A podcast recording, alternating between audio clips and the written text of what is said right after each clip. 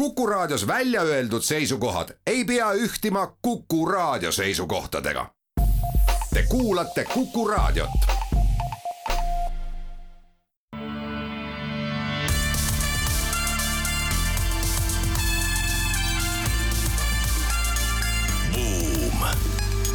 buumile annab hoogu SEB Pank tere päevast, on viieteistkümnes märts aasta kaks tuhat kakskümmend kolm, oleme taas eetris Buumi saatega, saatejuhid sedapuhku Raivo Vare ja Anto Liivat. uudisteploki avame mõistagi teadaannetega sellest, et Silicon Valley pank kukkus Ühendriikides kokku ning arutleme, mis kõik sellest nüüd järelduda võiks teise uudisena räägime sellest, et tegelikult kriis või mitte kriis, pangad kukuvad või mitte, aga ega kõigil halvasti ei lähe, nii Rolexi kui ka näiteks äh, Porsche firmad on äh, lausa või sees ja muudkui laiendavad ennast. ei saa mööda vaadata ka sellest, et äh, tippjuhid ja mitte lihtsalt tippjuhid, vaid lausa asepresidendid nagu öeldakse, suurtel kiirustel ja hulga kaupa lasevad Apple'ist jalga neljandaks juhtimisuudise all räägime sellest, et ilmus äh, Harvard Business Reviews ka ülevaade uuringust, mis on kestnud, nagu ma aru saan, kakskümmend kuus aastat. Ja kümneid tuhandeid äh, tippjuhte hõlmanud, mis tõestab, et tegelikult mitmekülgsus on juhi kõige suurem kapital meie tänane saatekülaline on Riigikogu Arenguseire Keskuse juht Tea Danilov, kellelt äh, uurime, mida võiks oodata uue valitsuskoalitsiooni majandus- ja ettevõtluspoliitikast, pidades silmas seda, mida valimisprogrammides lubati.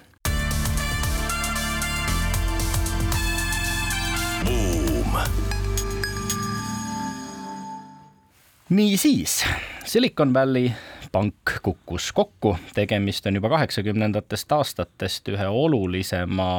laenuandjaga Ameerika Ühendriikides eh, just startup'ide jaoks ning eh, kuivõrd tegemist on Ühendriikide panganduse läbi aegade suuruselt teise krahhiga, viib see muidugi mõtted paratamatult eh, kõige suurema krahhi Lehman Brothersi peale. No tegelikult hinnanguliselt oli tegu esikahekümnesse seal kuueteistkümnendast kaheksateistkümnenda positsioonini hoidva pangaga, mille äh, varade äh, koosseisus olid tegelikult rahad, mida kandsid kokku väidetavasti praktiliselt pooled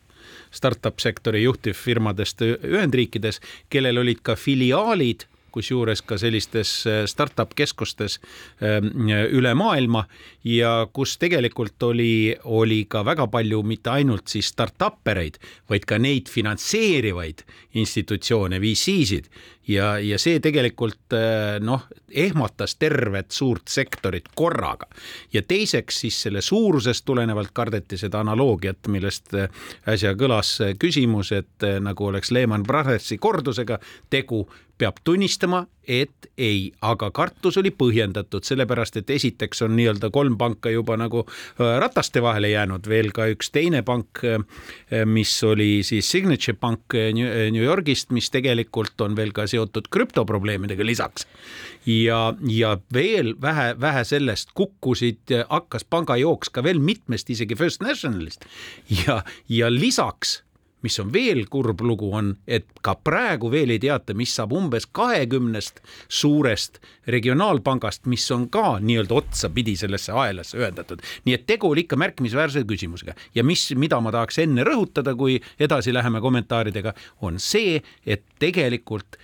pretsedenditult kiire reaktsioon. nelikümmend neli tundi oli kukkumisaega kriisiaega, neljakümne nelja tunniga toimus see kõik ja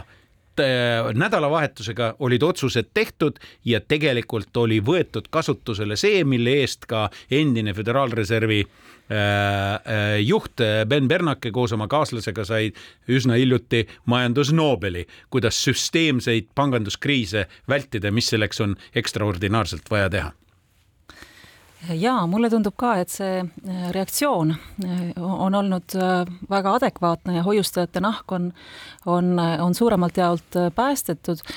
kui mõelda selle peale, et kust, kust see kriis tuli või, või miks või mis olid need juured, siis väga kiiresti kasvas hoiuste maht selles, hoiuste maht selles pangas, siis Silicon Valley pangas tõesti erakordse kiirusega ja noh, selles ütleme, suhteliselt kesiste tootlusvõimalustega maailmas oli pank siis silmitsi vajadusega panna see raha kusagile võimalikult tootvalt ja samal ajal hakkasid siis ju hoiuseintressid tõusma, vastusena ka ju, ka ju siis baasintressimäärade tõusule. ja, ja selline sündmuste ahel, et põhimõtteliselt ikkagi see, see, kuhu siis see suur osa sellest hoiu, hoiustajate käest või hoiustatud raha paigutati, et see valik osutus noh, mitte, mitte piisavalt tootlikuks ja, ja, ja sealt oli raske vajaduse tekkides kasumlikult väljuda. no tegelikult suurte ja kõrgendatud intresside olukorras äh, on halb paigutus on võlakirjadesse, kuhu see ju tegelikult suures osas läks. nojah, kui täna vaadata, siis äh, tagantjärele on kõik hirmus äh, targad, kuidas see võimalik oli, te jätsite intressiriski maandamata. samal ajal noh, ei suutnud keskpangad tegelikult sellist Äh, inflatsioonilist keskkonda kuidagimoodi äh, adekvaatselt prognoosida, ette näha, ei äh, prognoositud, ei öeldud ettevõtjatele ka, et maandage neid intressiriske. ma küsin, kus olid keskpanga silmad, kui sellel pangal kaheksa kuud ei olnud riskijuhti? no ja juhtimisvigu tehti seal teisigi, nii et eks siin on keskpankade vastutus ka. kas asi on tõsine või ei ole, noh, seesama suhteliselt äh, jõuline ja väga kiire reageerimine näitab, et äh, küllap ikkagi äh, hirmud äh, olid valitsusel reaalsed ja, ja noh, väga kiiresti öeldi, et hoiustajad muretsema Eh, ei pea, aga loomulikult, ega siis eh, pangajuhid eh, püüdsid ju teha kõik endast sõltuvat ka oma nahka päästa. Töötajad said preemiaid vaid mõned tunnid enne panga sulgemist, praegu käib uurimine pangajuhtide suhtes, kes väidetavasti siis oma aktsiad müüsid enne maha, teades ju muidugi siseinfo põhjal, et asjad hapuks lähevad et nii et noh, veel kord, et kus keskpanga ja regulaatorite silmad olid? ja kui habras on see olukord ja kui vähe on usaldus keskpankade mõttes ka, millest praegu äsja räägiti, on ju tegelikult näha sellest, et see kõik see pangajooks algas ju sellest pihta, et pank hakkas kiirkorras kapitali tõstma kuna tekkis nii-öelda potentsiaalne probleem ja sellega välja tulles ainuüksi kahekümne nelja tunniga kaotas neljandiku oma varadest. Üleöö, kahekümne nelja tunniga, see on pretsedenditu. Aga noh, ühendatud anumate süsteem, teps mitte kõigil ei lähe halvasti, Bank of America teatas, et äh, nemad on mõne päeva jooksul äh, saanud hoiuseid viieteist miljardi eest juurde, JP Morgan, Chase, Citigroup, Wells Fargo, teised äh, täpselt samamoodi näevad, kuidas raha voolab sisse, tee ainult väravad lahti. aga tegu on eelkõige kuue juhtiva suurpangaga, keda nimetatakse teadupärast süsteemseteks pankadeks, too big to fail, on kindel, et nüüd pärast selle pretsedendi tekkimist, see on kindel, et enam ei lasta kukkuda, ei tule kunagi seda Lehman Brothersit lähiajal uuesti, mistõttu tekkis loomulikult hoiustajatel huvi sinna just oma raha paigutada, nii et ühe õnn on teise õnnetus alati. no absoluutselt nii ja Rolexitest on eh, hirmus puudus, ega siis eh, miljonäre on maailma juurde tulnud, eh, kui vaadata Credit Suisse'i raporteid, siis kahe tuhande neljateistkümnendal aastal oli neid maailmas kolmkümmend neli miljonit kahe tuhande kahekümne esimesel aastal juba viiskümmend kuus miljonit ehk seitsekümmend protsenti kasvu, Rolex on ikka tootnud umbes miljon kella eh, aastas, sestap pole imestada, et tuleb teha uus tehas. ei no asi on ikka väga karm, sellepärast et Rolexil ei, on saba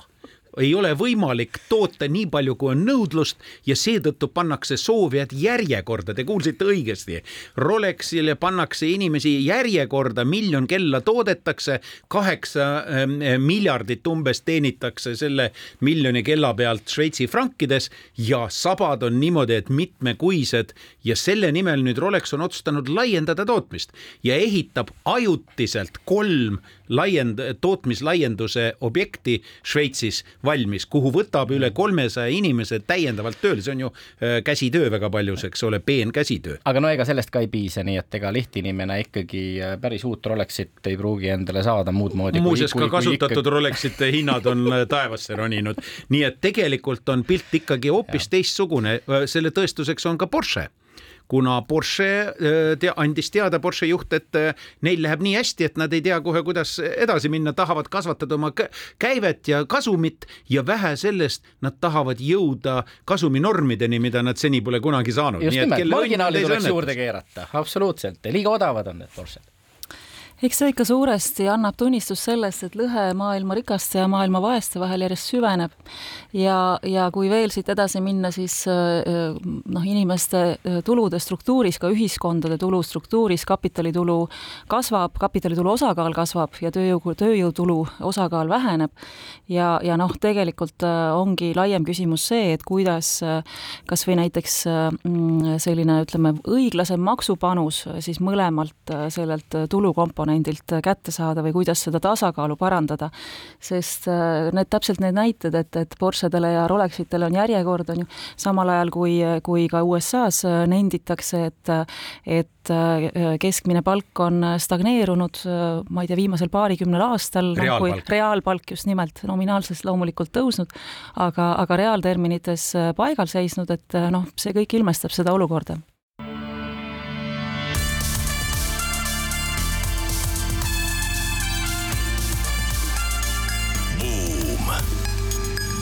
buumile annab hoogu SEB Pank oleme tagasi Buumi eetris, saatejuhid Raivo Vare ja Anto Liivat ning meie tänaseks külaliseks Riigikogu Arenguseire Keskuse juht Tea Danilov, kes aitab meil ka uudiseid kommenteerida. räägime nüüd sellest, et eh, tippjuhid ja mitte lihtsalt tippjuhid, vaid eh, asepresidendid lasevad hulga kaupa Apple'ist eh, jalga, tegemist on siis inimestega, kes on valdavalt otse Tim Cooki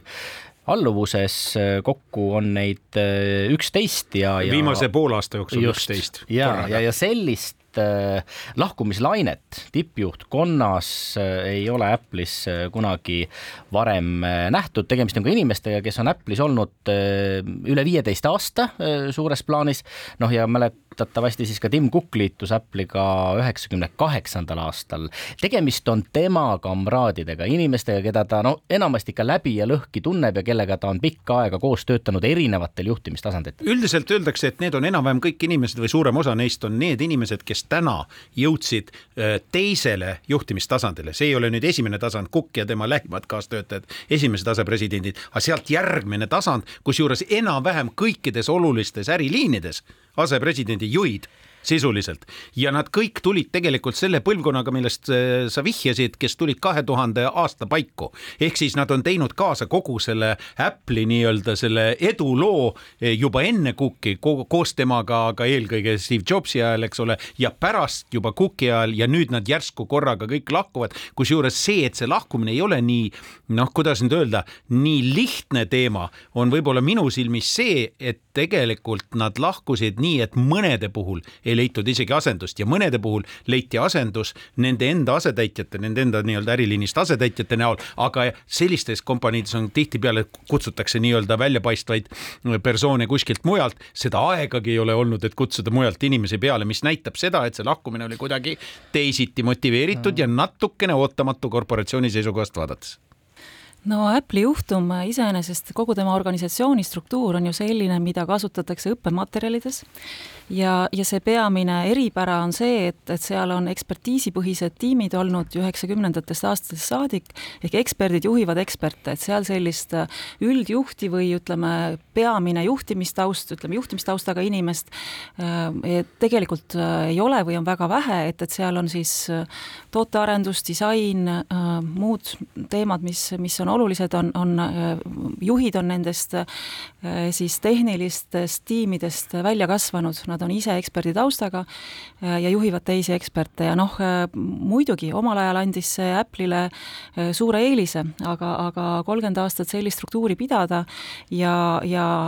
noh, seal iga, iga asi on millekski hea, et võiks, pigem arvaks, et see ekspertide juhitud mudel on hea just sellises arengu ja, ja kasvufaasis, aga samal ajal, kui on vaja turuosa hoida et, et siis võib olla mõistlik mingi muu, mingi teine struktuur. mitte ainult hoida, vaid ka kasvatada, näiteks üks nii-öelda muudatus on seotud sellega, et Hiina hakkab probleemseks mõneti muutuma ja perspektiivid on ka veel natukene ähmast, arvestades ka, isegi geopoliitikat, muust rääkimata ka majanduslikult, aga India pakub huvi, Apple hakanud tasapisi liikuma India poole ja praegu rõhutab seda India faktorit. no isegi mitte tasapisi, uued iPhone'id tulevadki ainult. ja äh, neljateistkümnendad tulevad sealt ja vähe sellest, nad, nad on nüüd ka tõstnud India staatust, India operatsioonide juht sai nüüd nii-öelda paguneid juurde. ja India valitsus on teinud äh, spetsiaalsed äh, meetmed selleks, et toetada tehnoloogiaettevõtete tootmistegevuse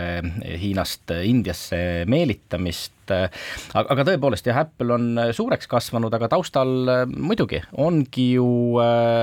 seesama turuosa hoidmise küsimus, sest ega iPhone'ide müüginumbrid mis siin pea poole Apple'i käibest ikkagi annavad, ei kasva enam eriti ja, ja Apple'i käive ka hiljaaegu pigem ei ole kasvanud ja, ja noh, kui me vaatame ka seda, et Apple'i aktsiahind kolmkümmend protsenti äh, möödunud aastal äh, kukkus, äh, see omakorda on sundinud juhte kulusid kärpima, noh ka Tim Cook ise peab järgmisel aastal hakkama, vabandust, käesoleval aastal hakkama saama nelikümmend protsenti väiksema palgaga, ehk siis circa viiekümne miljoni dollariga, aga, aga mis on poliitiliselt huvitav, on ikkagi see, et kui nüüd Tim Cooki lähemad kaasvõitlejad, temaealised, kõik jalga lasevad, siis Cookist võib täiesti vabalt saada sellist neljakümnest eh, pantvang, sest see on järgmine põlvkond, mõtleb teistmoodi, võib-olla hoiab ka rohkem kokku kui, kui see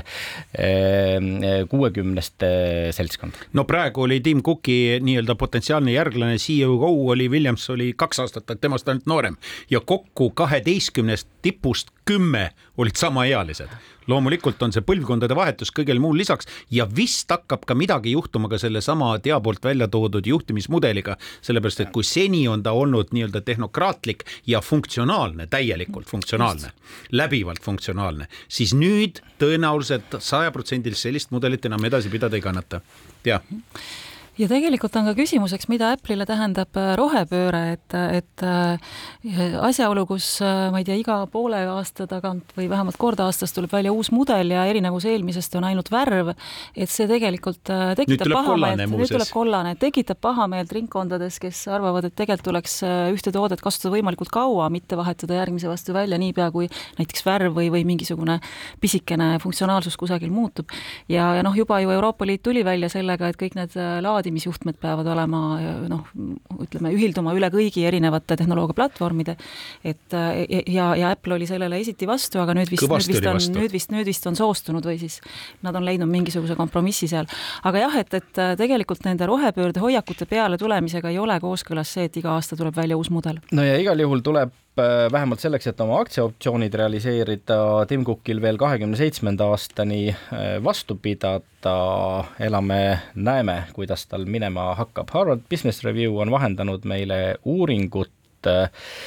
mille taga on kõlavate nimedega eelkõige Robert Kaiser, Robert Hogan ja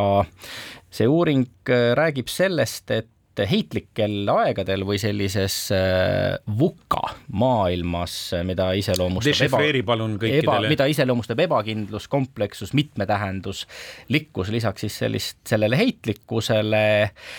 saavad paremini hakkama juhid, kes on mitmekülgsed, noh, kui äh, kümnevõistlusega analoogiat tõmmata, siis need, kes oskavad joosta nii sadat, neljasadat kui tuhandet viitesadat meetrit, vastavalt äh, olukorrale valida tööriistu juhtimisstiili, et oma eesmärke saavutada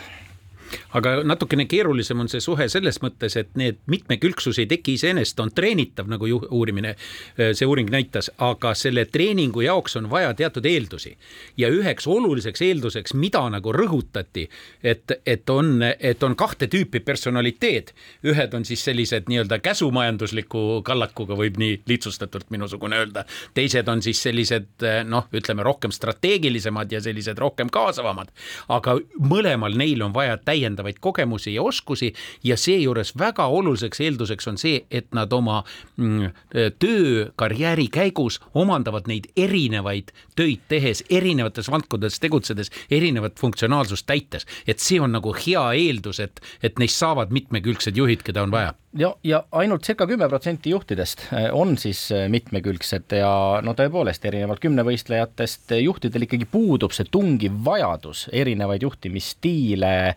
praktiseerida, harjutada, pigem äh, rõhutakse oma tugevustele ja, ja püütakse siis nendele tuginedes hakkama saada. nüüd äh, stsenaariumiloome on üks selliseid tööriistu, mida äh, kasutatakse selles VUCA maailmas toimetulekuks, Arenguseire Keskus on ka palju neid stsenaariumeid teinud, aga miks neid ettevõtetes ikkagi nii vähe tehakse mm.? Ja nõus, et, et juhtimis, et, et kuidas siis, üks asi on see mitmekülgne pagas, nõus, aga teine asi on see, et seda sellist strateegilist erksust saab suurendada ka mingisuguste kindlaid, kindlaid meetodeid rakendades. ja stsenaariumi analüüs on üks nendest, kusjuures alati ei pea neid stsenaariumeid ise tegema, võib täiesti leida kusagilt interneti avarustest, peaasi, et need oleksid sinu asutusele, sinu ettevõttele relevantsed, sinu turu, sinu toote-teenuse mõttes nagu olulised ja, ja, ja siis mida nendega teha, see ei ole lihtsalt, et loed läbi ja et noh, silmaring pisut laieneb, okei okay,, vaid tegelikult tuleb neid kasutada stressi testimiseks. et need stsenaariumid, need võivad olla siis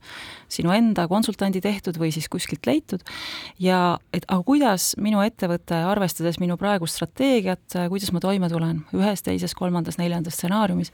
ja, ja isegi, ja oluline on ka siin see, et need stsenaariumid ei ole mõeldud ennustustena, et täpselt nii läheb, täpselt nii kunagi ei lähe, nagu on ükskõik millises stsenaariumis. küll aga selline läbimängimine, et okei okay,, see võimalike arengute spekter, mis minu turgu, toodet puudutab, on selline, nii, ja nüüd ma siis vaen oma strateegiat, oma ka võib-olla erinevaid plaane, kas ma laienen, kas ma ostan konkurendi, kas ma teen tootearendust, et eh, ma neid erinevaid strateegiaid vaen nende erinevate stsenaariumide kontekstis ja lähen edasi sellega, mis on kõige töökindlam.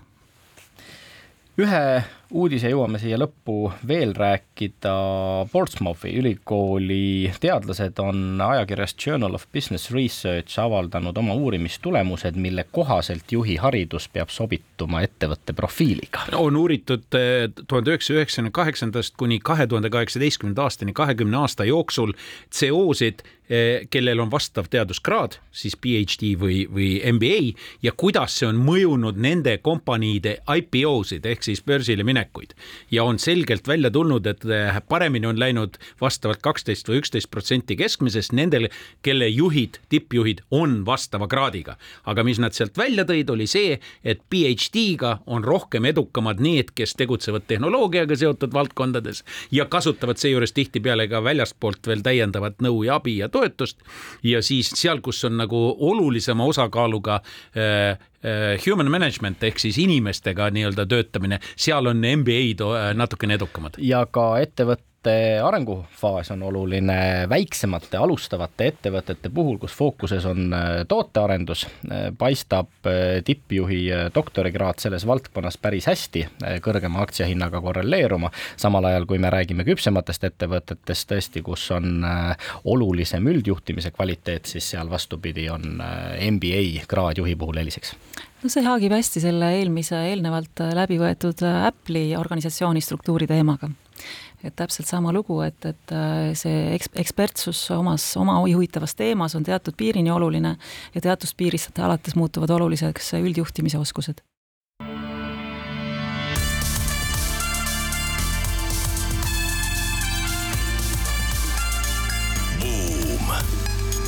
buumile annab hoogu SEB Pank oleme tagasi Buumi eetris, saatejuhid Raivo Vare ja Anto Liivat ning meie külaliseks Riigikogu Arenguseire Keskuse juht Teada Niilo. räägime nüüd sellest, mida võiks oodata majandus- ja ettevõtluspoliitika vaates valmivalt koalitsioonilepingult. Eesti teadupärast on sattunud Äh, üsna tõsisesse majanduslangusesse mm, ja seda siis väga kiire inflatsiooni tingimustes äh, ka eksportööridel ei lähe ülemäära äh, hästi, aga samas meie hea partneri SEB majandusanalüütik Mihkel Nestor nendib, et vähemalt eelmine aasta oli Eesti ettevõtete jaoks väga edukas aasta ja kuigi sisendhinnad kiiresti kallinesid, siis suudeti hinnatõus üsna edukalt lõpptarbijatele edasi viia ja selle kõige tulemusena ettevõtete hoiused kasvasid eelmise aasta lõpus kümne koma kahe miljardi euroni, nii et ettevõtetel kontodel tegelikult vaba raha ju on, et keeruline aeg üle elada, iseküsimus kuhu seda raha siis paigutatakse? no ma oleks sellega väga ettevaatlik, nagu ikka statistikaga, eks ole, tuleb vaadata sisse ja selle taha ja samal ajal, milles eh, on küll ettevõtetel raha kontodel juurde tulnud, aga osadel ettevõtetel on hoopis pankrot tulnud. ja, ja teine pool asjast on see, et ikkagi värsketel andmetel äh, eksport on äh, muuseas jooksev hindades, ma rõhutan seda, arvestades inflatsioonitemposid, siis jooksev hindades kukkumine on ikka märkimisväärne. üheksa protsenti on kukkunud ja seda on palju ja seda on palju. ehk siis teisisõnu, me oleme sisenenud sellisesse mm, isegi majanduslangusesse, aga see on selliste inflatsiooni tunnustega, ehk siis inflatsioon veel ei taltu. ja see on üldse üks halb komponent eh, kokku, noh, kompott, ütleme niimoodi. nii et meil ei oleks põhjust praegu väga rahul olla ja noh, eks koalitsiooni läbirääkimis ka mingil määral seda on juba hakanud kajastama. on hakatud rääkima, et on vaja kokku hoida, aga see ei ole päris täpselt see, mida mina kujutan ette sellises olukorras toimetamiseks. kokku hoida jah, aga mitte ainult Tallinna börsi juht äh, Kaarel Ots äh, jaanuari keskpaigas ütles, et Eesti on raisanud kümme aastat, kui laenuraha odav oli, oleks võinud probleemsetesse valdkondadesse investeerida, need investeeringud äh, jäeti ajal, mil raha oli odav, tegemata. tea, sa oled ettevõtete teadus-arendustegevusel hoolega silma peal hoidnud, kuidas me täna Euroopas ja, ja ka arenenud riikide vaates välja paistame jaa, et äh, ma alustan ehk sellest, et äh, kui mina äh, tegelesin teadus-arendustegevuse valdkonnaga üks viisteist aastat tagasi, siis oli selline kuum termin nagu Rootsi paradoks, et väga palju raha läheb teadus-arendustegevusse sisse, välja tuleb vähe või sellist tulemit, tulemit nagu tibusid loetakse kokku vähe. aga minu meelest meil on Eestis olnud ikkagi see Eesti, Eesti paradoks, et äh, väga vähe raha on läinud teadus-arendustegevusse, majanduskasv on väga uhke olnud. majanduskasvu allikad on olnud ülekaalukalt mujal kui teadus- ja arendustegevuses. aga, aga noh, lõputult niimoodi ei saa, et see protsessi innovatsioon, milles Eesti ettevõtted on väga kõvad olnud, investeeringud masinatesse, seadmesse, seadmetesse, muudesse, muusse põhivarasse, jällegi noh, väga eeskujulik, sest et äh, seda on ju toetanud ka meie tulumaksusüsteem, et et jaotamata äh, kasumi reinvesteerimine on maksuvaba. et me oleme sellise protsessi innovatsiooni peal ja, ja mõõduka seadmepargi uuendamise peal purjetanud, aga selliste äh, uute siis turu mõistes uute toodete arendusse on küllalt vähe vähe läinud. Ja, ja seal me oleme siis statistikas ka, Eesti näitajad just turu mõttes uute toodete osas äh, on väiksed ja, ja Eesti ettevõtete käive sellistest toodetest on, on ka väga väike. ja aga tore on see, et koroonaaeg on vähemalt siin hakanud korrektuure tegema. Ja ettevõtete teadus-arendustegevuse investeeringud on kasvanud kolmesaja miljoni euroni, äh, mis on edasiminek ja moodustab umbes ühe protsendi SKP-st noh, lihtsalt äh, võrdluseks, et äh, kunagi mm, tahtsime saada aastaks kaks tuhat kolmteist äh, kahe protsendini SKP-st, nüüd siis aastal kaks tuhat kakskümmend kolm oleme jõudnud ühe protsendini SKP-st, no tegelikult statistika muidugi on aasta, aastatagune, on ju, et üheksa aastaga siis oleme jõudnud poole tulemuseni. Äh, aga, aga tore on tõesti see, et äh, koroonakriisi tuules need teadus-arendustegevuse investeeringud hakkasid kasvama ja ettevõtteid, kes need teevad, on ka natukene rohkem, et kui varem oli selline alla kolmesaja, siis nüüd on see kolmesaja piir murtud, kolmsada seitsekümmend ettevõtet raporteeris viimati teadus-arendustegevuse investeeringuid. aga kui me tahame siin jõudsamat ja kiiremat edasiminekut, äh, äkki peaks riik appi tulema, mul on, me oleme üks väheseid Euroopa riike, kus tegelikult ei ole riigipoolseid Äh, toetusmehhanisme selleks, et ettevõtted äh, noh, oleksid huvitatud äh, rohkem teadus-arendustegevusse panustama? no meil üht-teist ikkagi on, meil on toetused, aga need toetused, teadus, toetused teadus-arendustegevuseks, mida jagab EAS, mis iganes on ta uus nimi, aga äh, need põhinevad välisabil, need on väga tsüklilised, et, äh, et alguses ütleme, kõigepealt kaks aastat jo joostakse perioodi käima, siis võib-olla kolme aasta jooksul raha saab ja siis äh, kukub jälle ära, sest et eelarved on ammendunud, oodatakse uut Euroopa rahastusperioodi. et selline nagu lainetus on see olnud ja tegelikult muidugi osakaaluna, lihtsalt võrdluseks, OECD riikide keskmine selle näitaja osas, et kui palju riik maksab kinni ettevõtete teadus-arendusinvesteeringuid, see on olnud umbes äh, null koma kaks protsenti SKP-st. Äh, OECD keskmine, Eestil on kuskil null koma null viis ehk me oleme umbes neli korda maas ja tegelikult, mis meil on täiesti puudu pildist, on äh, maksusoodustused, mida enamus, ülekaalukas enamus OECD riike rakendab. Ja nad rakendavadki mõlemaid, nii toetuseid kuni maksusoodust-, kui maksusoodustusi, et noh, toetuste puhul sa saad tõesti paremini kontrollida, kellele sa annad ja vähem raha läheb vasakule nii-öelda,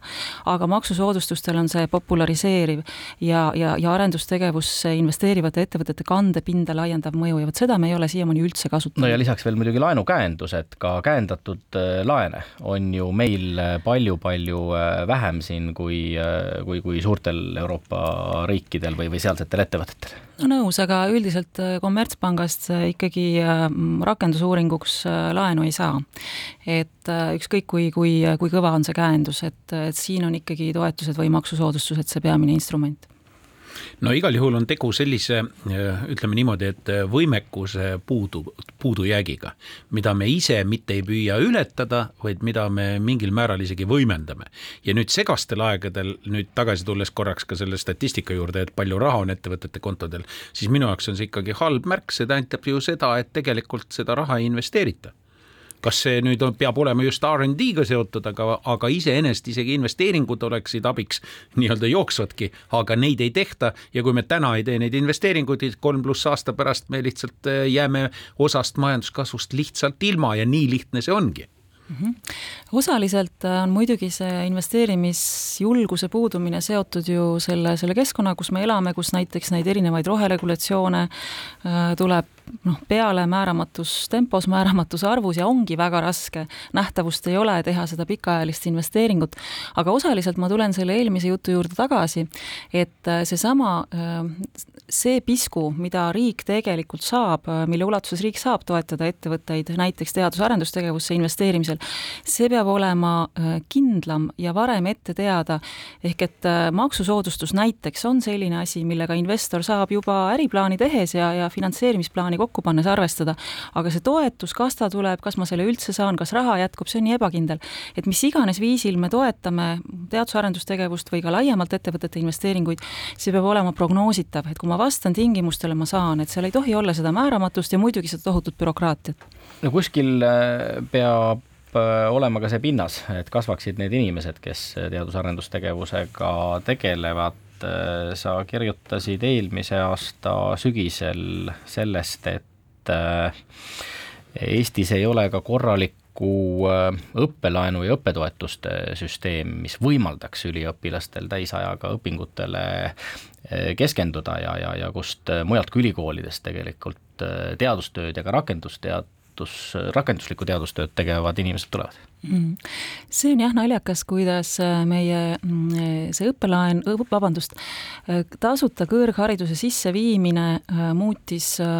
meid pikaks ajaks väga laisaks. et juba ju saab tasuta õppida, kuigi eks ole, ainult siis õppekava täiskoormusega läbides nominaalaja jooksul on ju, aga ju saab, et meil rohkem nagu sinna ümber midagi enam ei ole vaja. aga tulemuseks oli olukord, kus, kus elamiskulude katmiseks peab see tudeng minema tööle, sest et õppelaenu tingimused ei olnud muutunud, ma ei tea, kas kakskümmend aastat. kui mina läksin ülikooli äh, ja võtsin õppelaenu, siis intress oli viis protsenti, eluasemelaenude intressid olid viisteist protsenti. nii, ja kakskümmend või kakskümmend viis aastat hiljem eluasemelaenude intressid olid nullis, õppelaen ikka viis protsenti. et, et siin oli noh, tõsine, tõsine äh, ajast mahajäämine nende instrumentide ajakohastamisel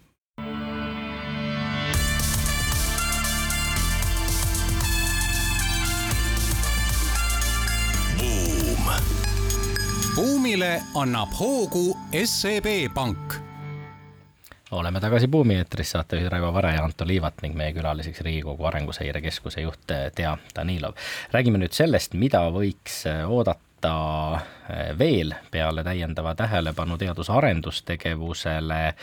uue sündiva valitsuskoalitsiooni majandus- ja ettevõtlusprogrammist ning sa tegid, Tea, väga vahva eksperimendi, küsisid chat GPT käest, milline on kolme koalitsiooniläbirääkimisi pidava erakonna ühisosa? mida tark algoritm vastas? Jaa, no ega mul seda vastust nüüd paraku kirjalikult äh, kaasas pole.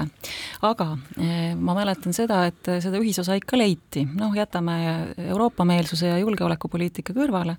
siis kliimateemades on suur ühisosa, kusjuures mainiti ära siis, et Eesti kahesajal ja sotsiaaldemokraatidel on suurem ambitsioon just kliimaeesmärkide mõttes neid kõrgemale seada ja, ja mainiti ära äh, kõrgharidus ja üldse ütleme innovatsioon haridus, innovatsioon ja, ja, ja ütleme, soodustuste äh, noh, soodustamine siis innovatsiooni ja, ja mm, Äh, jah, ja siis sellise kõrgkvalifitseeritud tööjõu äh, kättesaadavuse parandamise osa, et äh, mis on tegelikult huvitav, on see, et selle koalitsiooniga, nüüd ma ise lisan sellele chat GPT-le pisut, et selle koalitsiooniga me tegelikult võime näha rändereeglite lõdvenemist, eriti just kõrgemalt haritud tööjõule siin.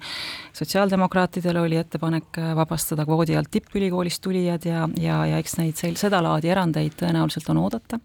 mis on äh, kindlasti majandusele hea uudis. nii, aga sa pead mind aitama, et äh, üks punkt oli veel Äh, sotsiaalprogrammid, sotsiaal- ja heaolu küsimused, sellepärast et seal oli nagu selge lahknevus ja. Meie mhm. andmetel. ja, ja tuleb meelde, et tõesti, et kui jällegi sotsiaaldemokraadid Eesti kakssada pidasid oluliseks siis sotsiaalprogrammide laiendamist, siis Reformierakonna positsiooni tõlgendas see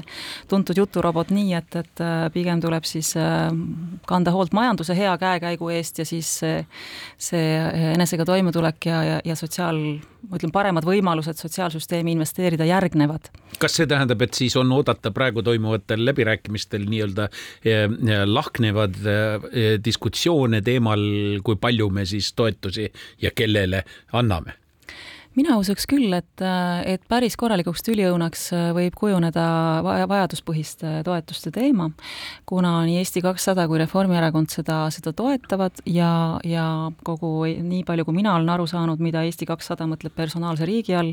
siis osaliselt ta mõtleb seda, et, et mm, toetusi saavad need, kes päriselt vajavad, noh, sinna juurde käib siis see, et otsuseid langetab tark algoritm, kasutades riigi andmekogudes olevaid andmeid ma muidugi ei saa märkimata jätta, et Riigireformi Sihtasutuse poolt välja pakutud saja neljakümne kuuel leheküljel brošüüris riigireformi läbiviidavatest ülesannetest kahe tuhande kaheksateistkümnendast aastast, mida väga palju loetud ei ole meie poliitikumis, siis selle koha pealt oli see üks olulisi ettepanekuid, mis oli eraldi käsitlemist leidnud. just see vajaduspõhisuse tagamine ja meie hulka kuulunud IT valdkonna inimesed, tipud, Eesti tipud ütlesid ühemõtteliselt, et see on lahendatav tehniliselt mm -hmm. teema. see ei ole üldse tehniline teema, ehk siis küsimus nii-öelda laustoetus versus -hmm. vajaduspõhine on tegelikult täna ainult tahtmise taga mm. -hmm mina olen sellest veelahest niimoodi aru saanud, et jah, see võib küll olla lahendatav, aga eks ta on äh, vähemalt praeguste, ütleme sellise klassikalise mudeli kohaselt äh, on ta päris, päris bürokraatiamahukas, eeldades, et inimene peab ise taotlema ja tõendama oma majanduslikku seisu. nüüd, eks ole, mis annab selle võimaluse tegelikult seda teha, on see, et inimene ei pea enam tõendama, vaid andmekogud pannakse, ühendatakse omavahel moel, eks ole, mis näitab ära, mis on kellegi elujärg ja ja, ja teenistus, palju palka maksab, hariduslik staatus, nii edasi. et, et tegelikult need andmed on ju olemas, aga see on muidugi ka natukene niisugune äh, mõnevõrra ene, liiga enesekindel väljend, et meil on kõik andmed olemas, näiteks kui me vaatasime seda, et et kui tahta näiteks neid äh, täna makstavaid energiatoetusi diferentseerida näiteks äh, leibkonna sissetuleku alusel, ehk kui palju üks ini-, no ütleme, inimese kohta leibkonnas tulusid tuleb, et seada sinna mingi lävend ja, ja kes ületavad, need saa-, need ei saa ja kes jäävad alla, need saavad. Meil ei ole infot Eesti Vabariigis selle kohta, kes elab kellega koos, ehk leibkondade andmekogu kui sellist ei ole. samal ajal sissetulek leibkonna liikme kohta on üks kõige paremaid mõõdikuid, mida just sellise materiaalseisundi hindamisel arvesse võtta, sest kui me võtame ainult tulusid, siis noh, ühel inimesel on viis ülalpeetavat, teisel ei ole üldse üllatavalt palju tähelepanu on juba nende läbirääkimiste valguses saanud regionaalareng, regionaalpoliitika, selle eh, läbikukkumisele on eh, nii mõnigi arvamusliider tähelepanu juhtinud, eh, kuivõrd Arenguseire Keskuse analüüsid ütlevad, et tegemist on võtmeteemaga, mis tõepoolest peaks olema uue sündiva koalitsiooni fookuses ja ma ei usu, et see sinna fookusesse suuresti äh, kuidagi väga tulikirjas äh, kirja saab. mis on fakt, on see, et, et Tallinn ja Harjumaa osakaal SKP-s järjest kasvab ja, ja kogu ülejäänud Eesti osakaal SKP-s väheneb, aga pilt on natukene teine, kui me vaatame inimese kohta, sest Tallinn ja Harjumaal elab kõige rohkem inimesi, nii et mõnes mõttes siis sinna selle jagatise äh, nimetajasse on ju, tuleb, tuleb suurem, suurem arv ja siis ütleme, inimese kohta vaadatuna see asi nii kehv ei ole, pigem isegi saab öelda, et nii, Tallinn Tallinna-Harju on selles mõõtkavas vähenda, alati on see, et noh, mida sa millega võrdled. aga, aga, aga see on äh, suur teema äh, ja äh, noh, juba valimisprogrammides üksikud punktid olid, mis regionaalarengut käsitlesid pigem vähe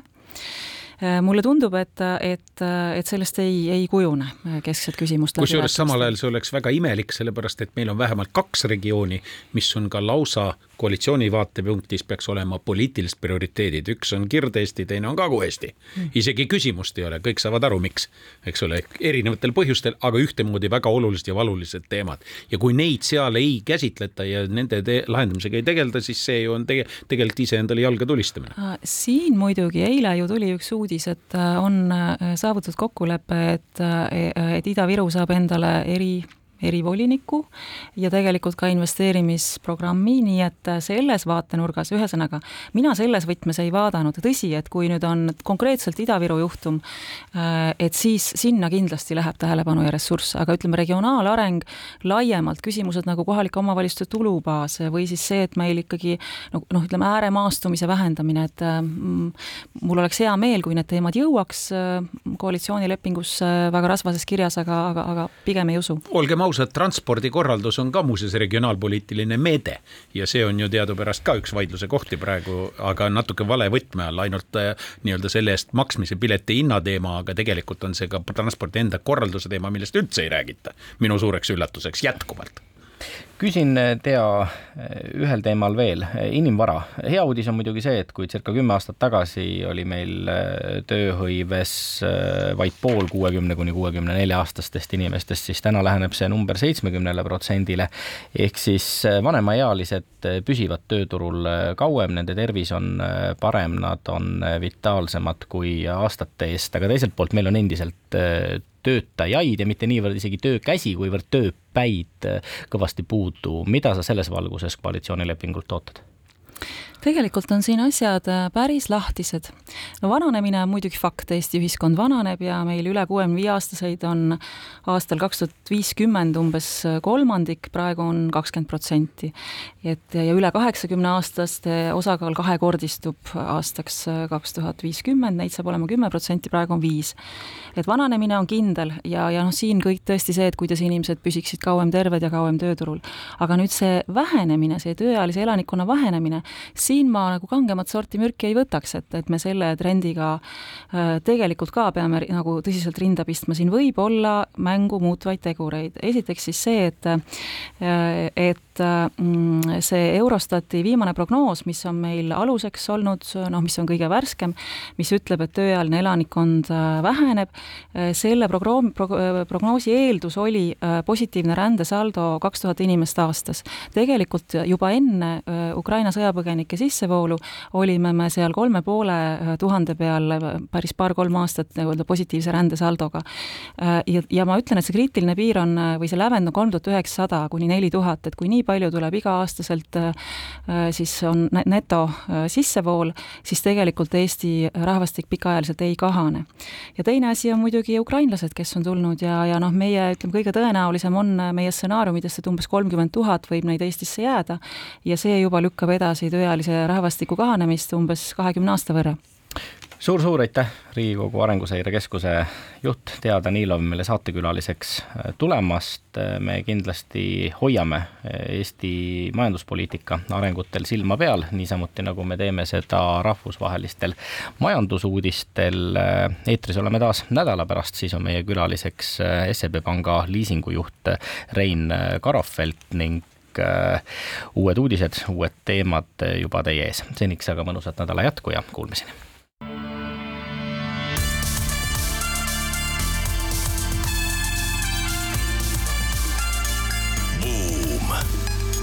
buumile annab hoogu SEB Pank